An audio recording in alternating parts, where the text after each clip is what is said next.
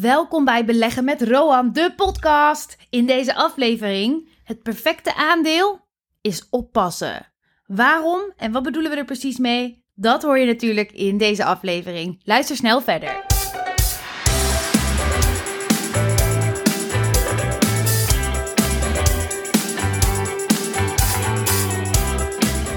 Ja, leuk dat je luistert. Mijn naam is Rowan. En mijn naam is Barbara. Hi Barbara. Ja, Rowan, het is vandaag een hele warme, tropische, hete dag. Wij zweten hier zo ongeveer van onze stoel af. Ja. Het is een strak blauwe lucht met hele hoge temperaturen. Onze hersenen werken al wat minder. Ik weet al waar je heen wil. Waar ga ik heen dan? Jij zoekt een excuus om het wat rustiger aan te doen, of althans een wat, eh, wat, wat chiller, wat zwoeler onderwerp, zeg maar. Wat minder technisch. Ja, exact. Ja. exact. Ja. Dit, dit is een iets wat lichter onderwerp. We blijven iets meer hoog over. Niet zo de diepte in als we normaal wel eens doen. En eh, nu maar hopen dat de luisteraar ons dat vergeeft. Is goed? ja. De titel van deze podcast is Perfect aandeel is oppassen. ja. Dat heeft wat uitleg nodig. Want eh, zeker in deze tijden krijg je via allerlei kanalen krijg je tips, adviezen op je af voor allerlei aandelen. Van dit aandeel gaat naar de maan. Elon Musk die de Dogecoin eh, aanraadt. Maar ja, ook, dus eigenlijk gaat het al veel verder dan aandelen. Ja, ja, het gaat op elk investeringsgebied of speculatiegebied. Maar ja, eigenlijk kan je ook zeggen, het gaat ook zo in het casino. Zet op eh, nummer 26 in bij roulette. Dat advies krijg je misschien ook van vrienden als je met het casino bent. En ja, wij, wij, zijn een, wij beleggen in aandelen, dus daar zullen we het meeste bij houden. Maar daar krijg je dus ook allerlei adviezen. En de vraag is, wat ga je daarmee doen? En wat als je een perfect aandeel gepresenteerd krijgt via iemand in je omgeving, via een analist of een analyse? Ja, kijk, als een aandeel echt perfect is, dan zou ik zeggen, dan wil je kopen. Ja, Maar de titel doet al vermoeden dat dat niet helemaal het geval is. Want perfect aandeel is oppassen. ja. Waarom is het oppassen? Ja, dan la- la- laat ik de vraag misschien aan jou stellen. Stel dat er komt een aandeel voorbij. Jij kent ons beleggingsmodel, wat ik in training altijd geef. Eh, met goed management, de oprichter nog aan het roeren. Sterke financiën, lage schuldpositie, lage waardering. Hele grote eindmarkt. Sterk competitief voordeel. Alles klopt. Ja. Ja, kijk, ik heb zelf een aantal dingen van je geleerd. Ten eerste dat de markt wel redelijk... eh, ja, perfect is niet helemaal het goede woord. Maar de, de Efficiënt. Dat zocht ik inderdaad. Ja. De markt is redelijk efficiënt. Dus voor dit soort dingen zou al gecorrigeerd moeten zijn in de beurskoers. Dus in de praktijk zou een perfect aandeel heel moeilijk te vinden moeten zijn. Want die zou dan al hoog gewaardeerd zijn. Wat hem weer niet perfect maakt om te kopen. Want dan is hij misschien duur. En misschien wel te duur. Hij zou precies op dat randje moeten balanceren van wat hij waard is. Versus dat hij misschien al iets te duur is voor Ja. wat hij waard is. Dus dat is iets wat in mij opkomt van... Daardoor kan het perfecte aandeel eigenlijk al niet helemaal bestaan. En daarnaast denk ik zelf... Ons beleggingsmodel laat ook gewoon ontzettend mooi zien hoeveel factoren er zijn. Zowel intern als het in het bedrijf, maar ook extern van invloed op het bedrijf. Ja, die factoren kunnen nooit allemaal gunstig zijn. Dat kan gewoon niet. Er moeten altijd risico's bij een aandeel zijn. Ja, Dus daarom denk ik dat je de podcast Perfect Aandeel is oppassen hebt genoemd. ja, ja. Omdat het perfecte aandeel niet, niet er is. En je zegt het eigenlijk al als er wel een soort van perfect aandeel is. Alles lijkt te kloppen, wat, wat dus niet kan. Dan is die misschien wel geprijsd voor perfectie. Hmm. Alleen, ja, jij kent mijn checklist van meer dan 100 checks. En er is geen aandeel die allemaal ja scoort op alle checks. Die, die bestaat niet. Er zijn altijd factoren die niet goed zijn. En, maar vaak krijg je soms wel uit je omgeving gepresenteerd van een heel mooi verhaal met al die, al die hoofdpunten die goed zijn. Ja, en dan kan je wel geneigd zijn, wat denk ik heel logisch is, om het gewoon te kopen. Want dat je denkt van dit kan niet misgaan. Dit is het perfecte aandeel. Wat vind jij dan dat je moet doen als, als je het perfecte aandeel in je omgeving gepresenteerd krijgt? In welke vorm dat dan ook is? En dan ga ik er even ook vanuit dat hij vanuit mijn ogen ook op eerste instantie perfect is. Ja, in ieder geval het beeld dat aan je geschetst wordt is inderdaad wat jij net zei. Dat de, de, markt nog, eh, de addressable market nog heel groot is waar ze aan kunnen verkopen. Dat gewoon al die factoren kloppen. Ja, die, die kernfactoren die heel belangrijk zijn, dat die kloppen. Als dat aan mij gepresenteerd wordt, van... Ja, is er dan iemand die ik hoog heb zitten op beleggersgebied of wat minder hoog? Eh, nou, kijk, het is misschien niet helemaal eerlijk, want jij hebt al een hele strenge selectie gemaakt in wie je hoog hebt zitten. Ik denk dat dat als mensen nog wat korter beleggen, wat moeilijker is om te beoordelen. Ja, zeker. Maar dan gaan we dus even vanuit jouw perspectief uit van iemand die je ook nog hoog hebt zitten. Ja, ja in principe. En ja, kijk, weet je wat een beetje het probleem is? Dat bedenk ik me nu. Als iemand zoiets presenteert, het perfecte aandeel, en eh, niet die ik hoog heb zitten en niet met risico's van dat aandeel op de proppen komt, ja, dan heb ik diegene al niet hoog zitten, zeg maar. Omdat er altijd, altijd, altijd risico's zijn. En alleen al daarom, als je het perfecte aandeel gepresenteerd krijgt, zonder risico's, ja, dan moet je er met een grote boog omheen lopen. Of je stelt gewoon aan diegene die dat presenteert, of die instantie, of wat dan ook, de vraag: ja, dit klinkt heel mooi, maar er is vast ook een negatieve kant. Ja, ja. En daarom een vraag die je dan altijd zou kunnen stellen is: wat moet er gebeuren om deze belegging niet succesvol te laten zijn? Ik vraag dat ook vaak aan CEO's. De meeste bedrijven zijn elk jaar winstgevend. Dan zeg ik: wat moet er gebeuren zodat jullie volgend jaar verlies gaan maken? De vraag wordt ze nooit gesteld. Is moeten ze ja, upside down denken eigenlijk?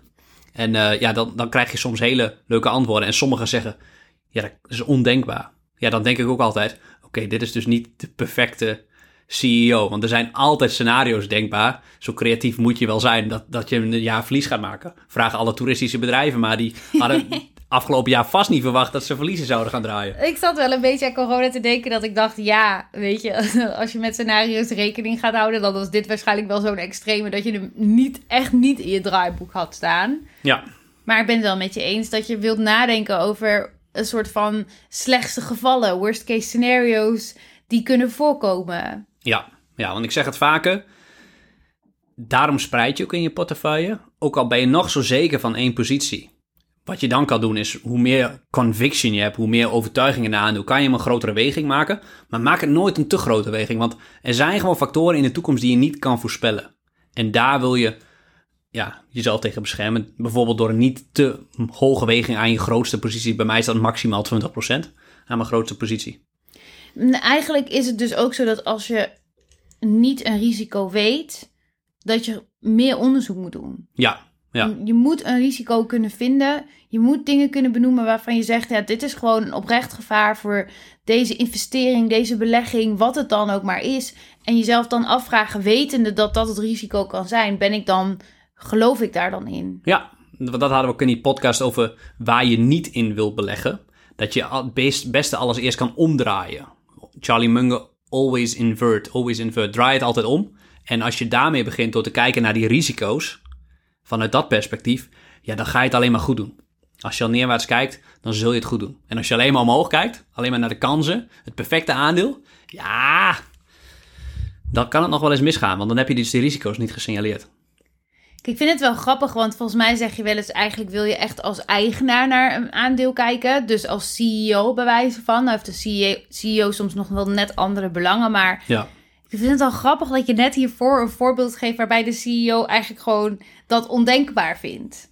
Ja. Omdat er een negatief scenario is waar hun bedrijf helemaal door. Terwijl juist in deze tijd is disruption is zo actueel. Zoveel industrieën worden gedisrupt. Ja.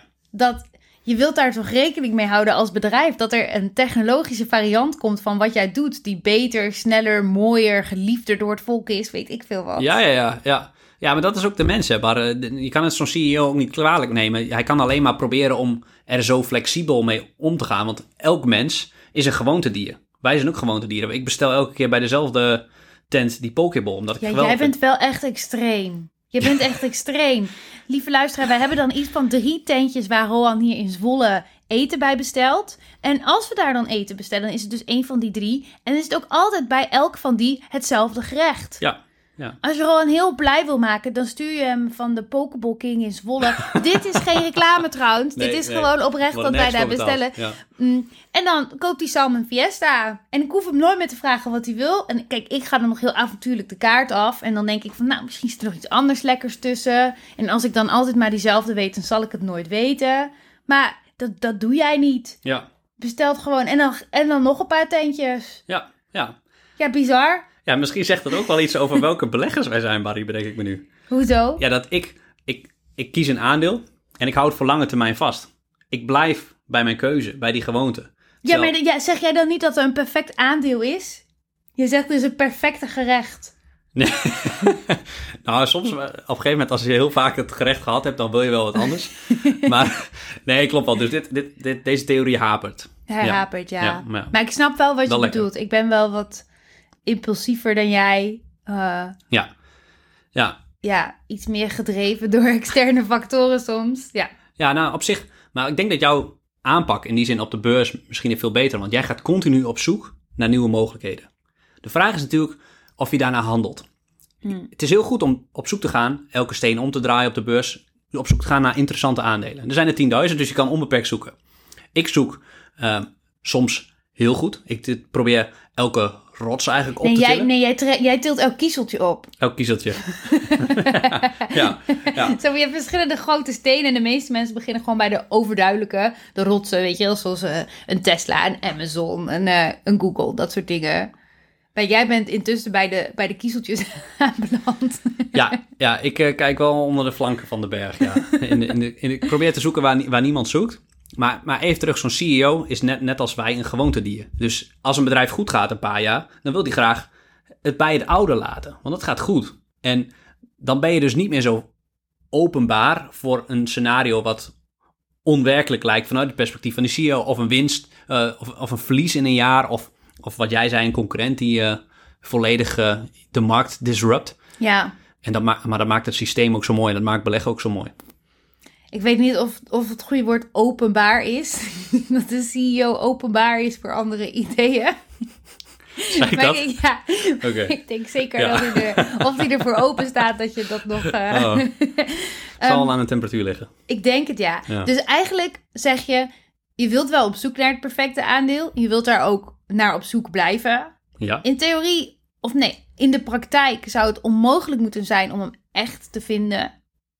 Ja. Eigenlijk niet moeten kunnen. Er zijn altijd onzekere factoren. Ja. En mocht je hem dan toch vinden, dan is het oppassen. ja, als je denkt dat je hem hebt, dan moet je dus eigenlijk op je persoonlijke checklist zetten van hier klopt iets niet. Mm. Hier klopt iets niet. Ja, En dan, dan krijg je weer een hele bazaal iets als, als het te mooi lijkt om waar te zijn. Ja, dan moet je oppassen. Ik, laatst stuurde een luisteraar nog eh, een, een, leuke website van een zogenaamd eh, cryptofonds dat 8% rendement per jaar een soort van garandeerde, per maand moet ik zeggen, per maand garandeerde. Ja, dat is gigantisch. Als je dat uit gaat rekenen met bedragen, dan ben je binnen no time miljonair als je 8% per maand. Ja, dat, ja, dat is dan, dan, dan wordt dan het perfecte verhaal gegeven. Maar dat, dat bestaat gewoon niet. is dat niet als zo'n soort scheme? Ja, vaak, vaak, is dat een, vaak is zoiets een piramide-scheme. Want kijk, als je de allerbeste beleggers ter wereld op een lange een 20-jaarsperiode volgt, dan zitten de allerbeste ter wereld op 20% misschien per jaar. Kijk, in één jaar is 50% prima mogelijk, maar zo'n lange termijn 20% bestaat gewoon niet. En omdat die markt vrij efficiënt is. En in de beginjaren van crypto kon je zo'n extreem rendement behalen, maar dat wordt ook steeds efficiënter. Dus daar gaan die overrendementen gaan ook verdwijnen. Dus 8% per maand, ja, dat, dat slaat helemaal nergens op. Dat, daar is ons systeem niet voor gemaakt. Denk je niet dat het werkt omdat mensen juist met crypto nog geloven dat het nog kan? Ja, tuurlijk, maar tijdelijk. Stel dat crypto dit jaar, dat de bitcoin keer 4 gaat, dan ga je alsnog niet vanaf nu die 20% per jaar halen over de komende 20 jaar. Want dat is, ja, ik kan het, ik kan het niet uitrekenen, maar dat is mogelijk, dat moet je keer 20 in die tijd. En keer 4 pak je dan nu heel snel, net als bij Tesla vorig jaar, keer 7. Fantastisch. Maar Tesla kan niet de komende 20 jaar keer 20. Dat kan niet, want dan, als je dan gaat uitrekenen hoe groot ze qua marktkapitalisatie dan zijn, ja, dat is ondenkbaar. Ja, dan zijn ze gewoon de wereldeconomie. Ja, ja, precies dat ja. Ja, dan ben je gewoon de wereldeconomie. Ja. Ja, en kijk, dan is er ook nog dat ding waar als je zelf een aandeel aan het analyseren bent en dan ben je toch al rationeel over dingen aan het nadenken, dan kan je ook nog wel rationeel bedenken dat er risico's moeten zijn en dat je die echt wilt vinden, omdat je, nou ja, omdat wij dat nu gezegd hebben. maar ik vind het heel iets anders als iemand tegenover je staat en dan een ontzettend enthousiast verhaal aan je vertelt over een investering, een aandeel, een eh, crypto, wat dan ook. En en met al die energie en enthousiasme op je afkomt. Of dat nou in het echt is, op een feestje, of eh, op YouTube, of Ja. social media. Dat is, dat is echt andere koek, vind ik. Hoe kijk Ja. jij daarna? ja, nee. ja, voor die koek, daar wil je extra voor oppassen. Je mag het best aanhoren en zo, natuurlijk, want je wil niet gewoon weglopen bij diegene, dat is onbeleefd. Maar je zou eigenlijk er niks mee moeten doen. Want op het moment dat je denkt van, oh, misschien is het wel interessant, moet ik eens gaan kijken. Dan ben je eigenlijk al beïnvloed. Dan zit je, ben je psychologisch jezelf al een beetje aan het kapot maken van dat je misschien al te positief van stad gaat. Ik snap dit wel, maar laten we eerlijk zijn. Iedereen denkt dan stiekem van binnen, maar wat als dit echt die goede tip is? Ja, Wat als dit echt die Tesla is keer 7 idee? ja. Dat iemand denkt van dit is de gouden, gouden tip. dat- maar dat, dat, dat stemmetje hebben we in dit soort situaties altijd. En dat is misschien gewoon, Ja. je reist de FOMO. FOMO, ja. Maar dat, laten we eerlijk zijn, dat is wat er gebeurt. Ja, ja en, en veel mensen handelen na. En dat begrijp ik volledig, want je zal het maar mislopen. je zal het Ja, maar maar mislopen. hoe ga jij daar dan mee om? Want je kunt nu hier wel in de podcast dat heel perfect uitstippelen hoe het zou moeten. Maar ik kan me voorstellen dat, ik weet niet of je het nu nog hebt, want je bent nu wel heel ervaren. Maar er moet in het verleden bij jou ook zo zijn geweest dat je dat had. En hoe ging je daar dan mee om? Ja, tuurlijk. Ik heb, eh, ik heb eh, ooit het blaadje beleggersbelangen gelezen. Daar stond een tip in over uranium-ETF. eh uranium-mijnbouwbedrijven. Ja, dan ging ik op basis daarvan ging ik dat kopen. Ja, klinkt best als een verstandig idee. Klinkt als een blaadje dat er verstand van heeft. Ja, Ja, dat ben precies. ik echt. Ja, precies, een autoriteit. Maar uiteindelijk, daar, daar, staat, daar staat niet zoveel wijs in. Dat, dat is een blad met een commercieel belang die analyses in die zin wil verkopen. En daarom ook de advertenties die je op Google of Facebook krijgt van deze vijf aandelen gaan knallen. Download dit rapport. Ja, dat, daar zit een heel ander belang. Die, die schetsen vooral een heel mooi verhaal. En hoe ik daarmee omga, ja, dat, is moeilijk te zeggen nu, maar eh, omdat ik nu zoveel ervaring heb, heb ik mijn eigen bronnen waar ik informatie en tips vandaan wil halen. Ik heb mijn eigen ruis allemaal weggefilterd. En voor iemand die begint in deze tijd met social media, waarin je op zoveel plekken beïnvloed wordt, ja, dat, dat is best wel pittig om daar ook eh, niet, niet alleen bewust kun je nee tegen zeggen van ik laat me niet door leiden, maar onbewust. Dat is nog een factor die dan ook meespeelt, dat het toch wel onbewust invloed op je heeft. Om, om daar dan nee tegen te zeggen. Ja, ik zou zo snel mogelijk, zoveel mogelijk kanalen waar je tips, dingen binnenkrijgt, allemaal resoluut stopzetten. Maar even, want dan kom je, als je dan, als ik naar mezelf kijk, wat je dan weet aan aandelen zijn allemaal die grotere bedrijven die iedereen wel kent. Denk aan Amazon, Tesla, gaan we dat rijtje weer af. Maar voor mij is het ontzettend moeilijk om een aandeel te bedenken dat ik niet ken en dat dan misschien wel interessant is. Dus ergens zou ik dolblij zijn als iemand gewoon alleen al een aandeel noemt dat ik niet ken en dat misschien interessant is. Omdat bij mij dan voelt van, misschien is dit eindelijk een aandeel dat anderen ook niet kennen en wat niet door de massa al massaal gekocht is en misschien daadwerkelijk potentie heeft om nog een interessante belegging te zijn. Ja, nee, maar je moet inderdaad continu op zoek naar de nieuwe Amazons van deze wereld, want daar ligt het grote geld. En daar, dus je, je moet in die zin ook wel op zoek gaan. En dat betekent ook wel af en toe analyses lezen, want het is wel heel handig om een analyse te hebben, want die vertelt in heel kort wat het bedrijf doet. En dan kan je vrij snel, zeker als je een beetje ervaring hebt, inschatten of dit een hele kansrijk aandeel is of een kansrijke sector. Dus, de, dus daar wil je wel naar kijken, want het is gewoon een hele efficiënte manier om informatie tot je te nemen. Je hebt eigenlijk gewoon een beleggingsbuddy nodig. Dat vind ik echt. Een klein groepje of een groep Ja, waar je dan, als je meegezogen wordt in die enthousiasme, dat je in plaats van hun ook enthousiast te gaan maken, want dat zou een dubbele valkuil zijn, ja, dan trek je hun ook mee. Dan objectief dat aandeel gaan presenteren aan hun. En, en, hun, en dan ook echt een groep hebben die op je durft te schieten. ja. Die niet, Ja. niet je gaat lopen pleasen en zeggen wat je wil horen. Maar die, die dan kritisch met je meegaat. Denken, is dat niet de, is dat niet de oplossing? Dat vind ik geniaal. Ja, en dat vind ik ook zo mooi aan mijn beleggingsclub. En even kijken, wie, wie zei dat ook alweer? Volgens mij was het ook Nassim Taleb eh, van de Zwarte Zwaan. Die schreef ook in een, eh, een van zijn latere boeken. Ik weet niet of het antifragiel is. Ik, ik, weet niet meer welk boek. Zijn boeken zijn overigens niet per se een aanrader als je ontspannen wil lezen. Maar eh, hartstikke technisch. Maar hij zegt eigenlijk altijd van, en daar sluit ik me wel bij aan. Als jij tegen mij vertelt over een aandeel, Snapchat, je hebt een mooi verhaal. Interesseert me eigenlijk geen zak. Ik wil gewoon weten wat er in jouw portfolio is. Als jij Snapchat bezit, dan hoef ik jouw verhaal niet meer te horen. Ik weet al dat je positief bent. Is niet meer interessant. Dus, dus stop jij maar met praten. Dan gaan we die anderen, onze buddies, vragen van... Oké, ga maar schieten op Snapchat. Maak, maak maar, die teasers maak me helemaal kapot. Is er een reden dat je Snapchat nu kiest in dit voorbeeld en naar mij zit te kijken? Nee, Snapchat, kan Ben naar de maan. ben jij onbewust beïnvloed door mij in Snapchat? Ja, ik kan Heb je stiekem angst dat Snapchat het nu heel goed gaat doen? En dat ik dan in je neus ga wrijven dat Snapchat het zo goed doet? kan nog wel eens het perfecte aandeel zijn. ja, ja, ja. Oké, nee, dat geloof ik absoluut niet. Ja, ik, ik denk het wel. Ik denk het wel. De jeugd zit op Snapchat, die, die teksten daar met elkaar. En die, die kansen zijn eindeloos. Ja, Maar ook risico's. en maar je hebt ook mooie filters, want ik heb je van de week nog in een Disney-figuur veranderd. Het is echt, echt een wel spannend podcast, hè? ja, ze vindt dat dan leuk. Ja, Ja, ik heb het. speciaal Snapchat weer gedownload, want ik doe er eigenlijk helemaal niks mee. Maar je komt zo'n heel mooi filter dat, dat we allebei in een Disney-figuurtje veranderen. En dan niet dat we Mickey Mouse werden of zo, maar dan kregen we, weet je, van die mooie grote ogen en dan zo'n breed koppie. En dan van die mooie wenkbrauwen die dan zo op en neer bewegen. Ja. Ja, dat is een aanrader, gewoon leuk vermaak als je Ja. je nog verveelt Ja. een vakantie. ja, ze aanraden aan iedereen. is een aanrader. Wij, wij ontvangen je filmpjes wel graag. Ik vind het in elk geval heel leuk. Je mag, met mij mag je ze delen. Het is goed dat mensen mijn gezicht niet kunnen zien. nee. Oké. Nee, maar dat, dat laatste vind ik wel belangrijk. Als je, als je op een forum zit of een community of waar, waar dan ook. ehm, ook als je mij hoort over een aandeel. In die zin, wa- wat zit er in je portfolio? Meer hoef je niet te weten, want dan weet je al dat diegene positief is. Ja, ja.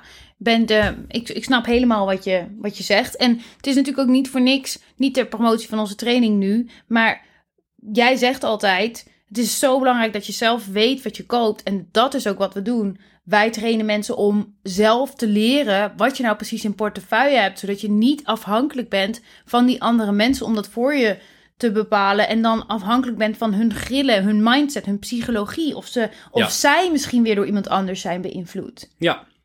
En ook nog dat je het emotionele gevoelsaspect. En daarom zou ik nog willen toevoegen dat als je een tip krijgt van iemand waar je een persoonlijke relatie mee hebt, dat je dan juist extra moet oppassen. Want dan denk je eerder van: oh, jij hebt Snapchat. Oké, ik wil dat ook. Want stel je voor dat het samen goed gaat. Ja. Dan gaan we samen feest vieren. Gaan we samen naar Hawaii. Of andersom. Stel dat jij hem koopt, heel enthousiast tegen mij bent en ik doe dat af en dan gaat hij vet goed. En dan sta ik voor lul. Ja, ja, ja. Dus wat mij betreft extra gevaarlijk om via een persoonlijke relatie een tip te krijgen. Omdat het dan, ja, je wilt toch beïnvloed, je wilt toch enthousiast. Je wil of ook het succes van diegene, of je wil samen leiden. Nou, dan, of je bent dan geen vrienden meer, omdat die ene jou een tip gaf.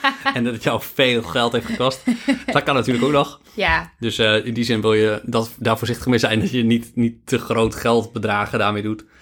Ja, En, eh, ik nou vind altijd verantwoordelijk voor je eigen geld. Ja, Altijd, altijd verantwoordelijk voor je eigen keuzes ook. Ja. Nooit komen miepen bij iemand anders. Zelf weten wat je doet, waarom je het doet.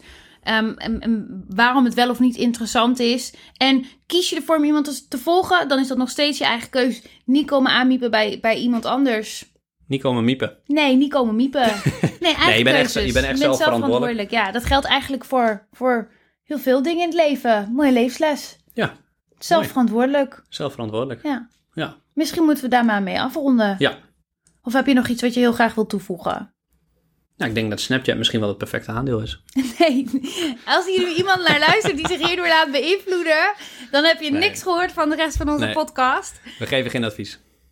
Sowieso, jij hebt, jij hebt helemaal geen Snapchat. Wat is dit voor een onzin? Klopt, klopt. Maar dat, onze luisteraar is hartstikke slim. Die stelt ze eigenlijk die vraag al. Zit dat in Romans portefeuille? Oké, nou heb ik het al weggegeven. Ja, ja. Ja. Oké, om het samen te vatten. ja, Eigenlijk is er niet zoiets als het perfecte aandeel. En als het je zo gepresenteerd wordt, weet dan dat je nog iets dieper moet graven. Iets beter moet gaan kijken naar wat zijn hier nou echt de risico's? Wat zijn hier de alletjes onder het gras? En ja, wat kan hier fout gaan? Begaat... Wat was jouw magische vraag nog maar? van of het, check of het in de portfolio zit bij iemand. Nee, die andere, dat je hem om moet draaien. Ja, dat je het om moet draaien door naar de risico's te kijken. De, de goede Wat dingen over er een aandeel krijg je overal. Je krijgt allemaal koopadviezen overal. Maar vooral wat moet er gebeuren dat jouw aandeel geen succes wordt. En die vraag goed kunnen beantwoorden. Ja, ja. Oké, dan sluiten we daarmee deze tropische podcast af. Misschien is het wel helemaal niet meer zo mooi weer als je hem luistert, maar misschien hebben we je de vibe nog een beetje mee kunnen geven. en dan eh, ja. spreken we je de volgende keer weer. Bedankt voor het luisteren en veel Bedankt voor het succes. luisteren. Hoi. Doei!